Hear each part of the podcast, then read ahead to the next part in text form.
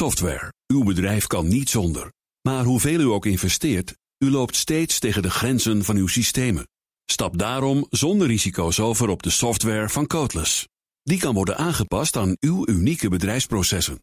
Welke ambities u ook heeft, uw software is er klaar voor. Kijk op slimsoftwarenabouwen.nl.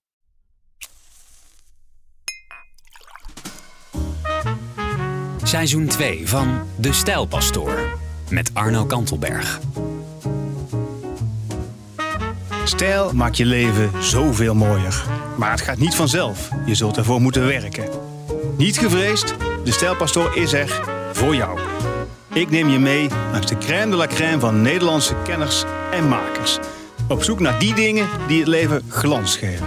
Van het mooiste horloge tot de meest smaakvolle wijn. Wat drink je? Wat draag je? En hoe doe je dat? Samen, beste Nederlandse man, komen we er wel.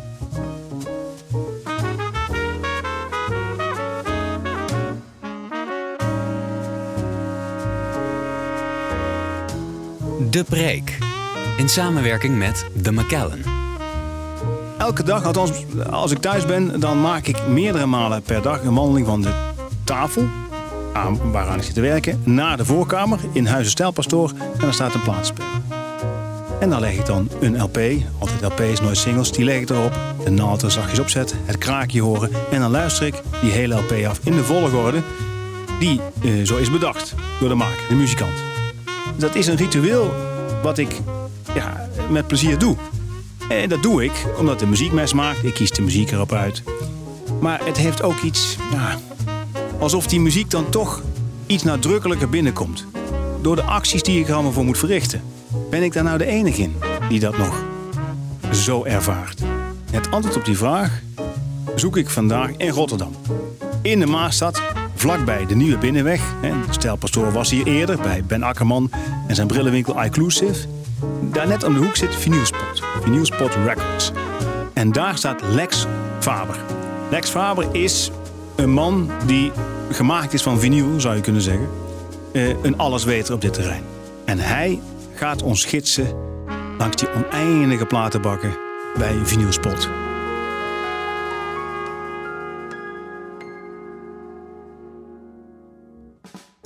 Zit aan de Jozefstraat, zijstraatje, best smal zijstraatje aan een pleintje van de Nieuwe Binnenweg.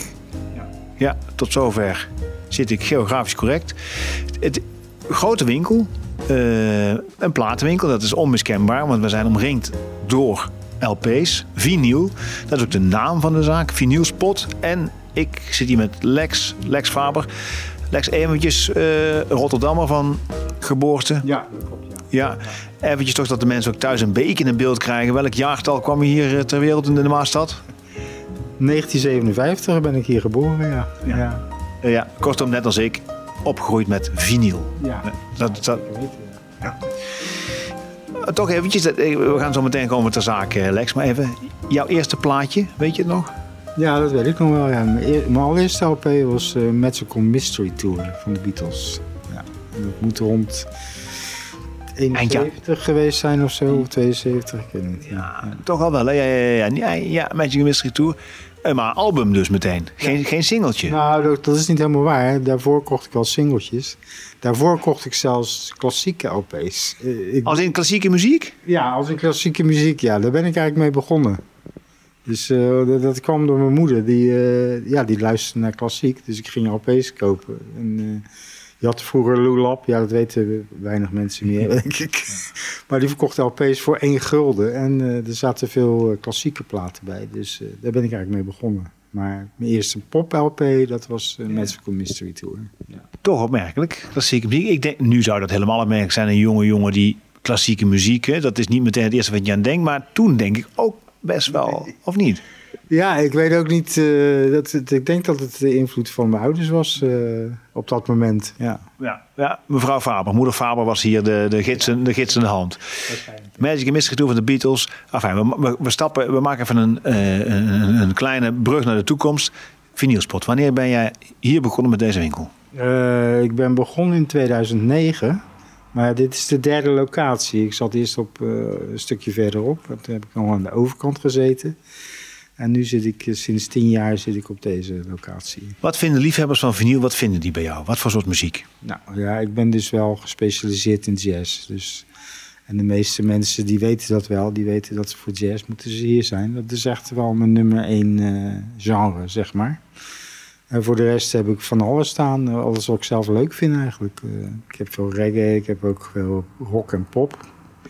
En eh, ja, zeg maar wat ze zwarte muziek noemen. Funk, eh, soul, jazz.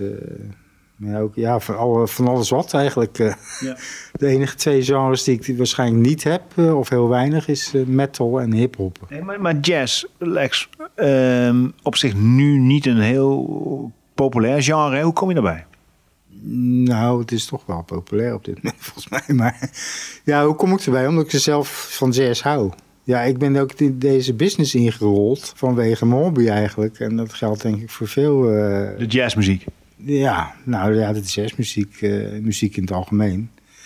Maar ik ben eigenlijk van, eh, van oorsprong ben ik kunsthistoricus. Ja, er valt geen droog brood te verdienen in de kunsthistorie. Dus toevallig, ja, ik heb een tijd in het buitenland gezeten. Dat speelt ook mee. Ik heb in drie jaar in New York gewoond en drie jaar in San Francisco. En eh, ja, daar is de, de, de verzamelwoede weer aangewakkerd eigenlijk. Dus- Welke jaren waren dit? Welke, welk decennium zitten eh, we? Dat is rond eh, de E-wisseling. Dus ik heb denk ik van 97 tot 2000 in New York gezeten. En daarna van 2000 tot 2003 in San Francisco. Maar hoezo werd het daar aangewakkerd? Hoezo werd je daar geconfronteerd? Met, eh, waren daar toen al, was daar veel vinyl? Vertel. Ja, nou dat, dat kwam dus eigenlijk... Ja, daarvoor zat ik eigenlijk in de boeken. Dus ik ben ook boekhandelaar geweest. Maar dat was meer een hobby. eh, dat is niet echt serieuze... Daar, verdien, daar, leefde ik niet van, zou ik maar zeggen. Maar ik verzamelde voornamelijk eh, vintage paperbacks. Engels en Amerikaans. En daar begon ik op een gegeven moment ook in te handelen. En eh, nou ja, op een gegeven moment verhuisde ik dus naar Amerika. Ja, het is een lang verhaal, maar ik maak het wat korter. En toen wilde ik daar ook die boekjes gaan kopen. Want ik dacht van ja, nu ben ik in het land waar ze vandaan komen. Maar ja, die waren echt heel moeilijk te vinden daar. Die werden namelijk weggegooid nadat ze gelezen waren. En eh, hier, dus niet. Nou ja, eh, ik zocht dus naar andere dingen, want die boekjes waren bijna niet te vinden. Dus eh, toen merkte ik dus dat LP's nog wel te vinden waren daar. En eh, aangezien ik in de jaren zeventig ook LP's verzameld had. Het was een beetje weggezakt in de CD-tijd. Maar toen dacht ik van nou, weet je wat, ik ga weer LP's verzamelen. En voornamelijk jazz, omdat ik het vroeger ook al verzamelde. En ik, was vroeger ook al een jazzliefhebber. Dus ja, zo kwam het eigenlijk weer. Weet nog, ik, ik begon die winkel in 2009. En ik ging, eh, zoals men doet, ging je naar de Kamer van Koophandel om, eh, om je in te schrijven natuurlijk als onderneming. En dan krijg je altijd gesprek met de belastingen. Want eh, ze willen natuurlijk dat je netjes je belasting betaalt. Dus je krijgt dan wat advies over BTW en zo. Dus ik zat bij die belastingambtenaar die bij de Kamer van Koophandel zat. En die, die vroeg dus aan mij van, ja, wat, je gaat een winkel beginnen. Wat voor winkel gaat hij beginnen? Ik zei, nou, ik ga een winkel beginnen in grammofoonplaten. Oh, zegt hij, eh, denkt hij dat hij daar iets mee kan verdienen? nou ja, het is inmiddels wel gelukt. Dus, eh, maar ik vond het wel grappig dat hij echt totaal geen vertrouwen in had. Maar Ja. goed, dat was wel leuk. Ja, maar ja, goed, dat was natuurlijk ook een tijd. Er is een, een zou je kunnen zeggen, een, heropstanding, eh wederopstanding van de plaat, van de vinyl. Hè? Ja, Vinyl. ja en nee. Dat, ik, ik was, ik, 2009 was het nog een beetje de crisistijd. Hè? Dat, dat, eh, dat, eh, en er was echt wel, wel een dip ook in het vinyl. Dat was nog niet zo populair als dat het later werd. Nee, dat... eh, Dus zo gek was het ook weer niet. Dat die belastingman echt, eh, zou, zou je dat nou wel doen meneer Faber? Ja. Moet je niet gewoon in het plastic of in de computers gaan? ja, zoiets, ja. Heb je enig idee, je hebt dat dus, je hebt dat ook letterlijk gemerkt, die opleving. Je zag, er kwamen meer mensen naar je toe in je zaak. De verkoop nam... eh, Ja. Waar komt dat vandaan? Heb je enig idee? Nou, de jeugd heeft het vooral weer herontdekt. Omdat ja, op een gegeven moment kreeg je natuurlijk de streaming en de mp3's. Maar ja, er valt weinig rol te beleven aan een, eh, aan een digitaal eh, file wat je dan downloadt. Ja, dit is, en Spotify is ook niet alles. Dus ja, mensen wilden weer iets fysieks in hun handen hebben. En ja, en dat werden dan eh, LP's. En dat, eh, ja, het klink- ja, dan krijg je ook weer het, het aloude eh, debat. Wat klinkt nou beter? Ja, ik vind altijd dat een LP beter klinkt. Maar goed, Er zijn ook weer mensen die dat uh, tegenspreken, maar goed. Dat is... Maar is het, is het ook niet dat een LP misschien authentieker klinkt op een bepaalde manier? Je hoort de naald in de groef. ja, dat, dat, dat, dat, dat, zijn allemaal dingen. Dat is ook een soort nostalgie, hè? Ik weet nog dat uh, toen, toen uh, die vinylopleving plaatsvond, er kwamen hier veel jongeren. En uh, die vonden het dan fijn als er bijgeluiden waren bij een LP. Een krasje hier, een krasje daar. Want het hoorde er een beetje bij. Maar ja, dat moet, moet je tegen een audiofiel niet zeggen natuurlijk. Dus ik, ik probeer namelijk juist platen te verkopen die geen bijgeluiden hebben. Maar goed... We, we kijken nu even rond in je winkel. Er waren net wat klanten. Hè, de, de, die, er komen zo meteen weer. Het waren alleen maar mannen. Zojuist die we zagen. Wat krijg je nou hier? Hoe omschrijft die klant is? Uh, nou, dat is ook wel heel moeilijk te zeggen hoor. Maar ja, ik moet wel even bijvermelden. Deze winkel is niet zoals een gewone platenwinkel. Ja, ik wil niet snobistisch klinken of zo. Maar ik, ik ben wel een beetje gespecialiseerd in collector items. Dus uh, ook vooral een beetje het hogere segment, wat ze dan uh, een, een boutiquewinkel noemen misschien of zo. Dus uh, ik krijg ook echt verzamelaars hier die, die bereid zijn om echt fikse bedragen te betalen voor een LP. En wat ik aan jazz heb staan, bijvoorbeeld originele Blue Notes en originele persing uit de jaren 50 en 60. Ja, dat, dat zijn prijzige platen.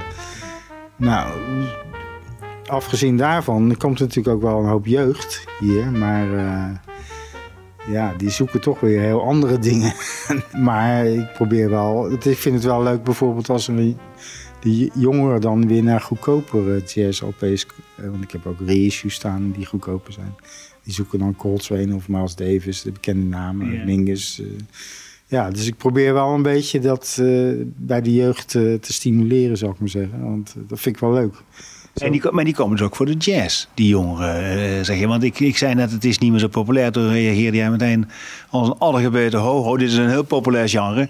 Maar uh, komen jongeren ook voor de jazz of is dat toch meer die reggae, die soul, die funk? Nee, jongeren komen, er zijn wel aardig wat jongeren die ook voor de jazz komen, ja.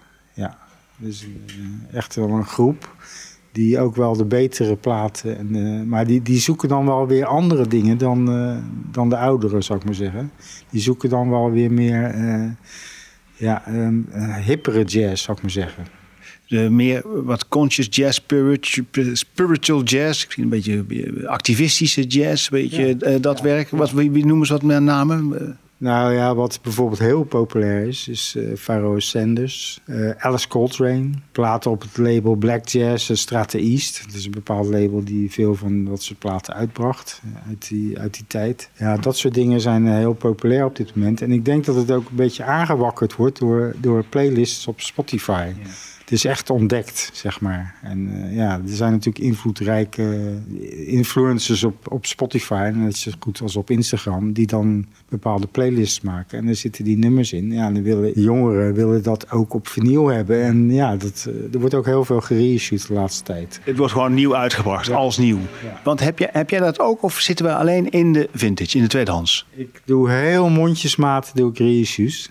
Als het bijvoorbeeld platen zijn die bijna onmogelijk te vinden zijn en die ik zelf goed vind. Maar ik probeer zoveel mogelijk uh, originele te verkopen. En originele of goede Japanse reissues bijvoorbeeld. Dit moet je even, wat, wat zijn Japanse reissues? Nou ja, Japan is sowieso een land waar uh, nooit weg geweest is. ik ga er ook regelmatig heen. Ik ben in maart ben ik, uh, ben ik er weer geweest. En dan koop ik ook platen in, omdat ze daar echt kwaliteitsreissues verkopen. Dus Japanse persingen van, van zeg maar westerse LP's. Goed geperst en zo, dus uh, dat verkoop ik dan ook. Eventjes, heb jij nu iets wat je even kunt laten luisteren? Dat je zegt, dit is, hoeft dan niet meteen die Hank Mobley Soul Station, maar iets anders. En je denkt, dit is, iets, dit is bijzonder. Uh, heb je iets? Ja, ik heb zoveel bijzondere platen.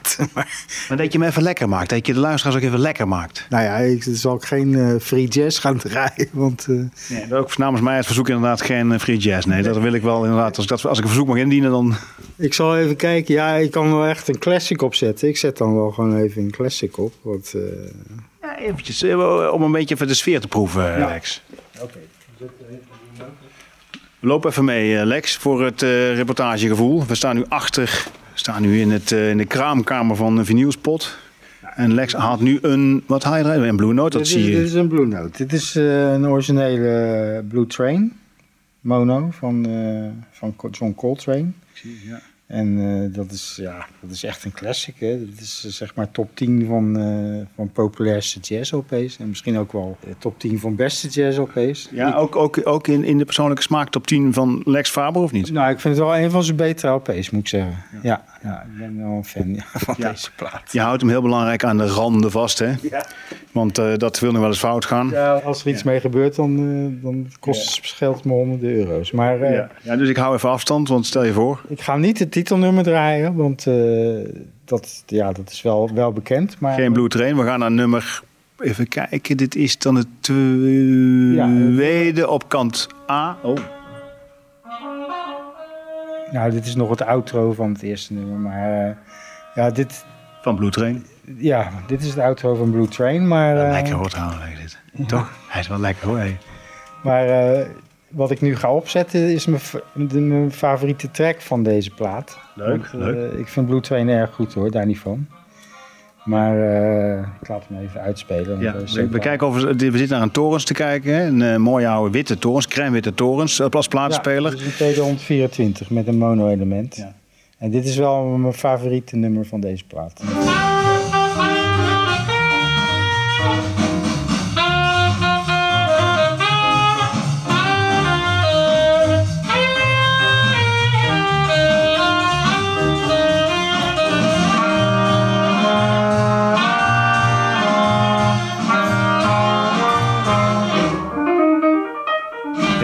Ik hoor... Ik, ik sta naast een audiofiel, is geen krasje te horen. Nee, nee, deze plaat klinkt geweldig. Ja. Ja. Ze klinken sowieso allemaal geweldig. Maar zeker op deze pick-up met de- dit mono-element. Ja, dat is dus eigenlijk eh, niet... Dat klinkt beter dan wat dan ook, moet ik zeggen. Ja. ja. En dat is ook een aantrekkingskracht van die oude jazz-LP's. Ze klinken ook verschrikkelijk goed. Dus het zijn ook nog eens audiofiele platen. Dus eh, als, behalve dat ze dan eh, dat het goede jazz-LP's zijn en dat ze een bepaalde investeringswaarde hebben, zijn het ook nog eens audiofiele LP's. Heel prettig om naar te luisteren. Technisch, kwalitatief bedoel je?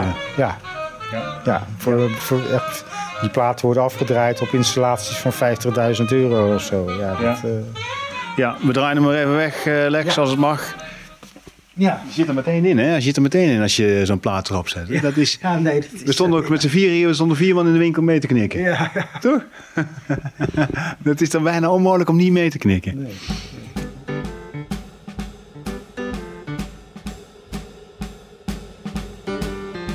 Dat vraag ik me wel af. Hoe kom jij aan, eh, aan, aan dit knappe materiaal? Waar vind jij het? Nou ja, één plek is Japan, zeg je dus. Waar nog meer? Ja, nou ja, overal en nergens.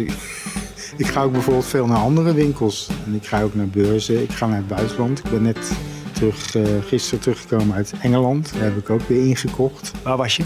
Eh, in Londen en in Brighton ben ik geweest. Dus, eh, nou, gewoon winkeltjes langs. En, Je struint, je struint dan door Londen en, of bijvoorbeeld, en langs de winkeltjes. En dan zit jij gewoon door de bakken met je Ja. vingers. Ik doe nu een, een Ja, nee. gebaar naar met mijn vingers door die bakken. En dan zoek jij gewoon. En dan, maar jij weet wat je zoekt.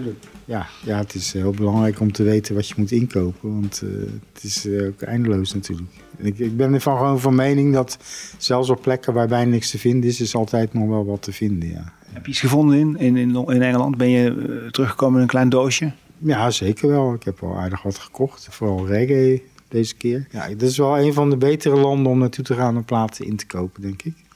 En Europa? En Europa, ja, Europa dan, eh, ja, Nederland is geen verkeerd land, zou ik zeggen. nee. Ja, je hebt hier ook twee keer per jaar heb je een van de grootste platenbeurzen van, eh, van de wereld. In, eh, tegenwoordig in Den Bosch, eerst in Utrecht. En ja, er komen zoveel handelaren. En dat, dat is eigenlijk een perfecte plek om, om, om dingen te vinden. En dan zijn de winkels in, in Nederland zijn helemaal niet slecht vergeleken met het buitenland. Echt, eh, Dus wij doen het, wij Nederlanders doen het goed op het terrein van de, van de LP's, van het vinyl. In alle opzichten. Winkels, eh, beurzen. ja, zeker weten. Ja. Nee, Nederland is, dat weten de bui- meeste buitenlandse klanten van mij ook. Nou ja, en voor de rest, ja, ik koop natuurlijk ook collecties op van mensen die, eh, die, die dat aan me verkopen. Of, eh, ik heb recent heb ik een hele mooie jazzcollectie gekocht. Echt een geweldige collectie, een van de beste van Nederland. En eh, die was van een vriend van me. En eh, ja, het was heel triest dat hij overleed op een gegeven moment. Dus, uh, maar we hadden daarvoor al, hij wist natuurlijk dat, dat hij ziek was en hij wist dat hij ging overlijden. En daarvoor hebben we dus besproken hoe dat na zijn dood zou gaan met die collectie. Dus dat is, dat is dan wel fijn dat, we dat, dat hij dat nog voor zijn dood heeft kunnen regelen. En, ja. en dat is een ongelooflijk mooie collectie. Dus ja. Groot? Ja. Collectie? Nou, het waren iets van 7000 LP's. Maar uh, de kwaliteit was ongelooflijk. Echt heel erg goed. Maar, maar 7000, ja, je, je vertelt het bijna fluisterend, maar dat is gigantisch veel, toch? Ja. Of niet? Hè?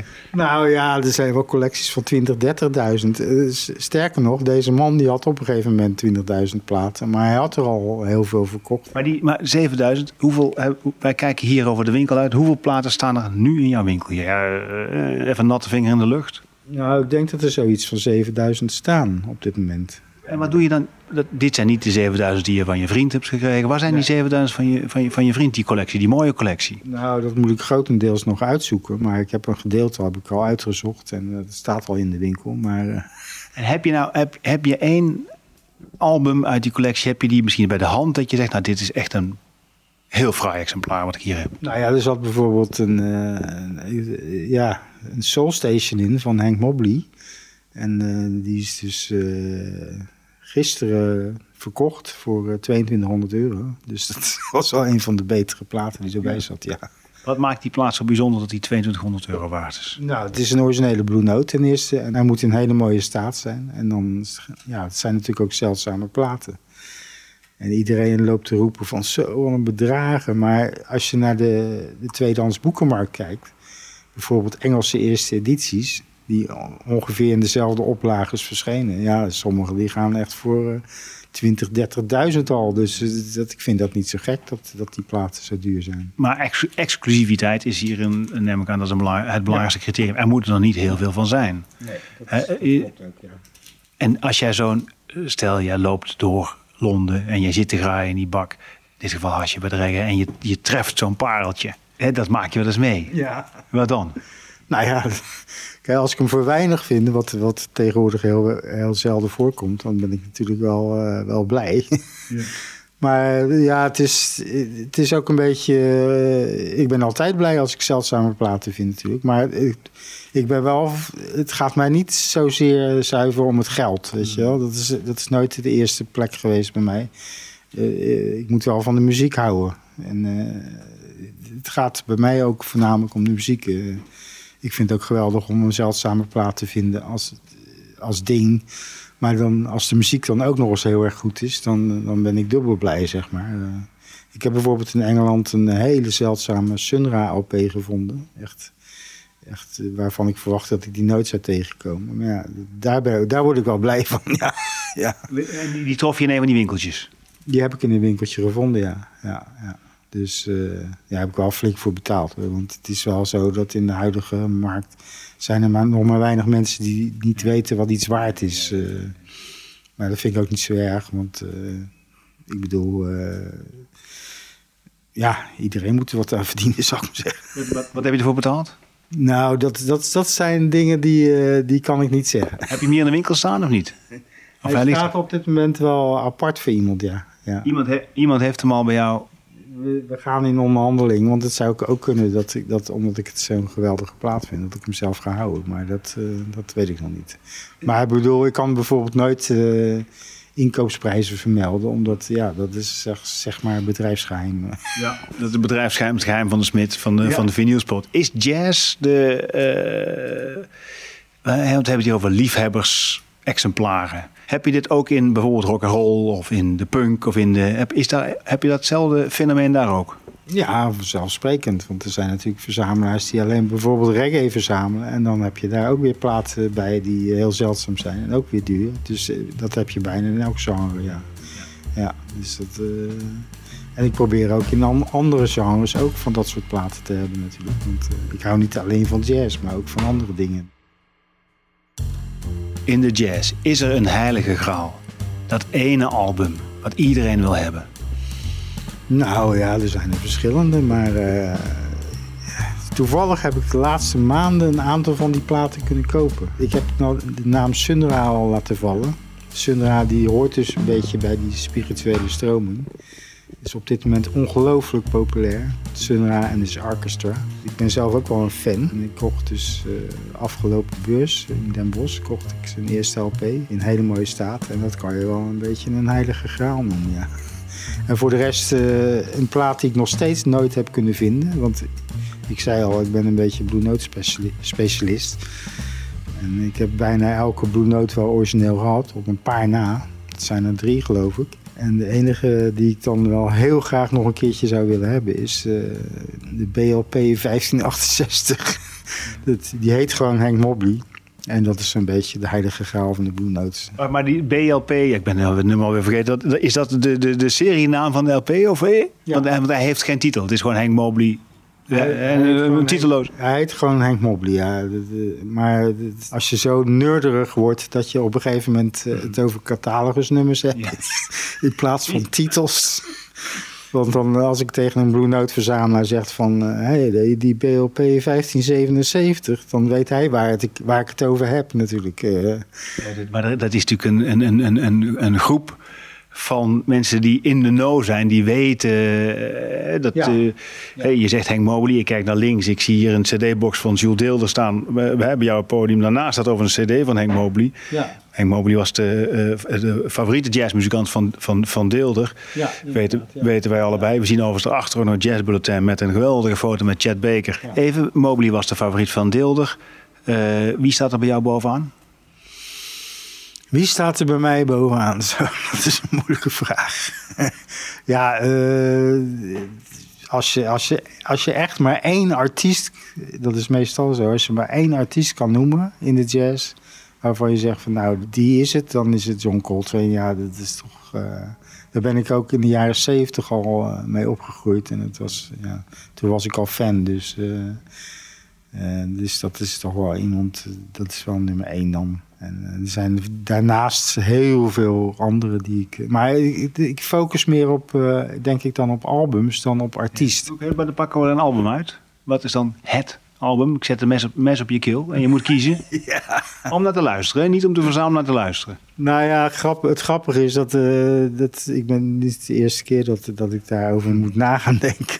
Meestal gaat het om een top 5 of een top 10. En en, eh, ja, ik vind het, dat, dat wisselt altijd. Het is heel moeilijk om te zeggen van... Uh, ik zet het mes op je keel, Lex. Maar als er echt, echt een Desert Island disc is... Waar, dat ik echt maar één plaat kan uitkiezen... dan is het waarschijnlijk Eastern Sounds van Yusuf Latif. Is, Yusuf Latif. Ja, en dat is ook een van mijn favorieten. Latif. Geweldige tenor. Dus, uh, en hij speelde trouwens ook andere dingen, fluit. En, maar uh, ja, ik, bijna al zijn albums zijn aanraders. Dus het is echt wel een consistente artiest die vanaf de jaren 50 tot de jaren 70 echt, echt bijna alleen maar goede platen heeft gemaakt.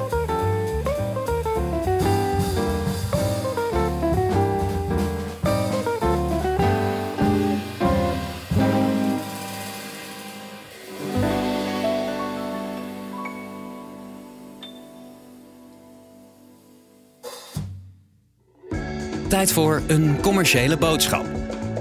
Ook als het op whisky aankomt, is alleen het beste goed genoeg voor uw stijlpastoor. Gelukkig wordt deze podcast mede mogelijk gemaakt door The Macallan. Vandaag reflecteert uw stijlpastoor met een glas Rare Cask van The Macallan. Ah, grote glas. Arno, de afdronk.